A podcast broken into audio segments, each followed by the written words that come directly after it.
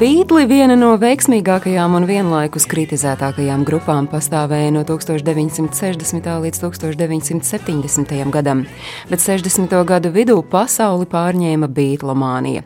Un viņi bija čaļi, kuri varēja atļauties daudz. Tā piemēram, 1966. gadā Džons Lenons atļāvās paziņot, ka beatli ir populārāki par Jēzu. 60. gadu izskaņā grupas saskaņa sāka šķobīties. Arvien spēcīgāk sāk iezīmēties fakts, ka katrs no dalībniekiem vairāk aizraujas ar personīgiem projektiem un arvien mazāk laika atliek supergrupai. Beatli tajā laikā koncertēja arvien mazāk. Vēsturiskā uzstāšanās uz jumta kļuva par pirmo vairāk nekā divu gadu laikā.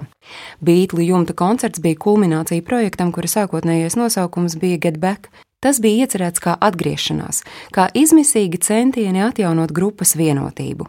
Un tā 1969. gada 30. janvārī grupa The Beatles pēdējo reizi uzstājās publikas priekšā pilnā sastāvā. Toreiz mūziķi nospēlēja setu uz Londonas ēkas jumta, ēkā, kur atradās ierakstu studija Apple Records. Koncerta laikā mūziķi nestāvēja savās līdz šim ierastajās vietās, un, lai Džons Lenons varētu izpildīt savu jauno dziesmu, asistents viņa priekšā turēja tekstu. Par koncertu nekur nebija ziņots. Tā patiešām bija spontāna ideja, kas dzima vien dažas dienas pirms koncerta. Par to, kurš tieši bija idejas autors, domas dalās. Ikvienam šajā procesā iesaistītajam gribas būt tam īpašajam, kuram ienāca prātā doma uzstāties uz jumta, tomēr visticamāk idejas autors bija Džons Lenons. Zīmīgi, ka grupa tajā laikā mierīgi varēja koncertu sarīkot teju jebkurā vietā pasaulē. Tik labi tas varēja notikt uz kruīza, kuģa tuksnesī vai senā amfiteātrī, un tomēr tas bija jumts. Turklāt Londonas ziema, janvāris nav tie paši pievilcīgākie laika apstākļi koncertam zem klajas debesis. Pūta ledens vējš un mūziķiem sala rokas. Džons Lenons, lai būtu siltāk, esot uzvilcis savas sievas Joko Ono kažoku, kamēr Ringo Stārs aizņēmās sievas mētelis spilgti sarkanā krāsā. Apple rekords izpildirektors esot sildījis rokas Harisonam. Džons Lenons dziesmu starplaikos esot klusi bubinājis, ka pirksti pārāk nosaluši, lai varētu nospēlēt akordus. Augstums un augstais vējš par labu nav nācis arī studijas mikrofoniem, un, lai tos pasargātu no stiprā vēja, kāds studijas darbinieks devies uz veikalu nopirkt sieviešu zeķbikses. Tās tad arī kļuva par vēja brāzmu radītā trokšņa vairogu mikrofoniem, kas ierakstīja bungas un ģitāru skaņas. Kad Beatli sākuši spēlēt, ļaudīs, kuri atradušies ēku zemākajos stāvos, sākotnējo neizpratni nomainījusi ziņkāre.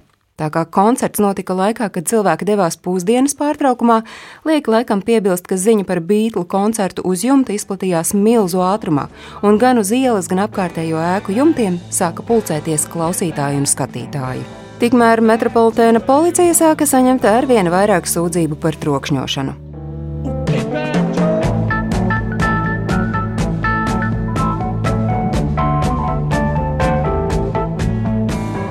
42 minūšu laikā grupa nospēlēja piecas dziesmas, daļu no tām atkārtojot vairāk kārt. Ēkas apsardze sākotnēji atteicās ielaist policiju, taču vēlāk policija nokļuva uz jumta, un to var redzēt spontānā koncerta video ierakstos. Tiesa likumsargi nogaidīja, kad supergrupa pabeidz dziesmu, un tikai tad koncerts tika pārtraukts.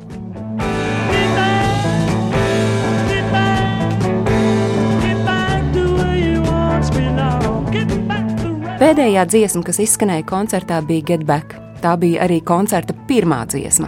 Un vēl Džons Lenons koncertam beidzoties pateicās savā un grupas vārdā, izsakot cerības, ka ir nokārtojuši šo klausīšanās pārbaudījumu.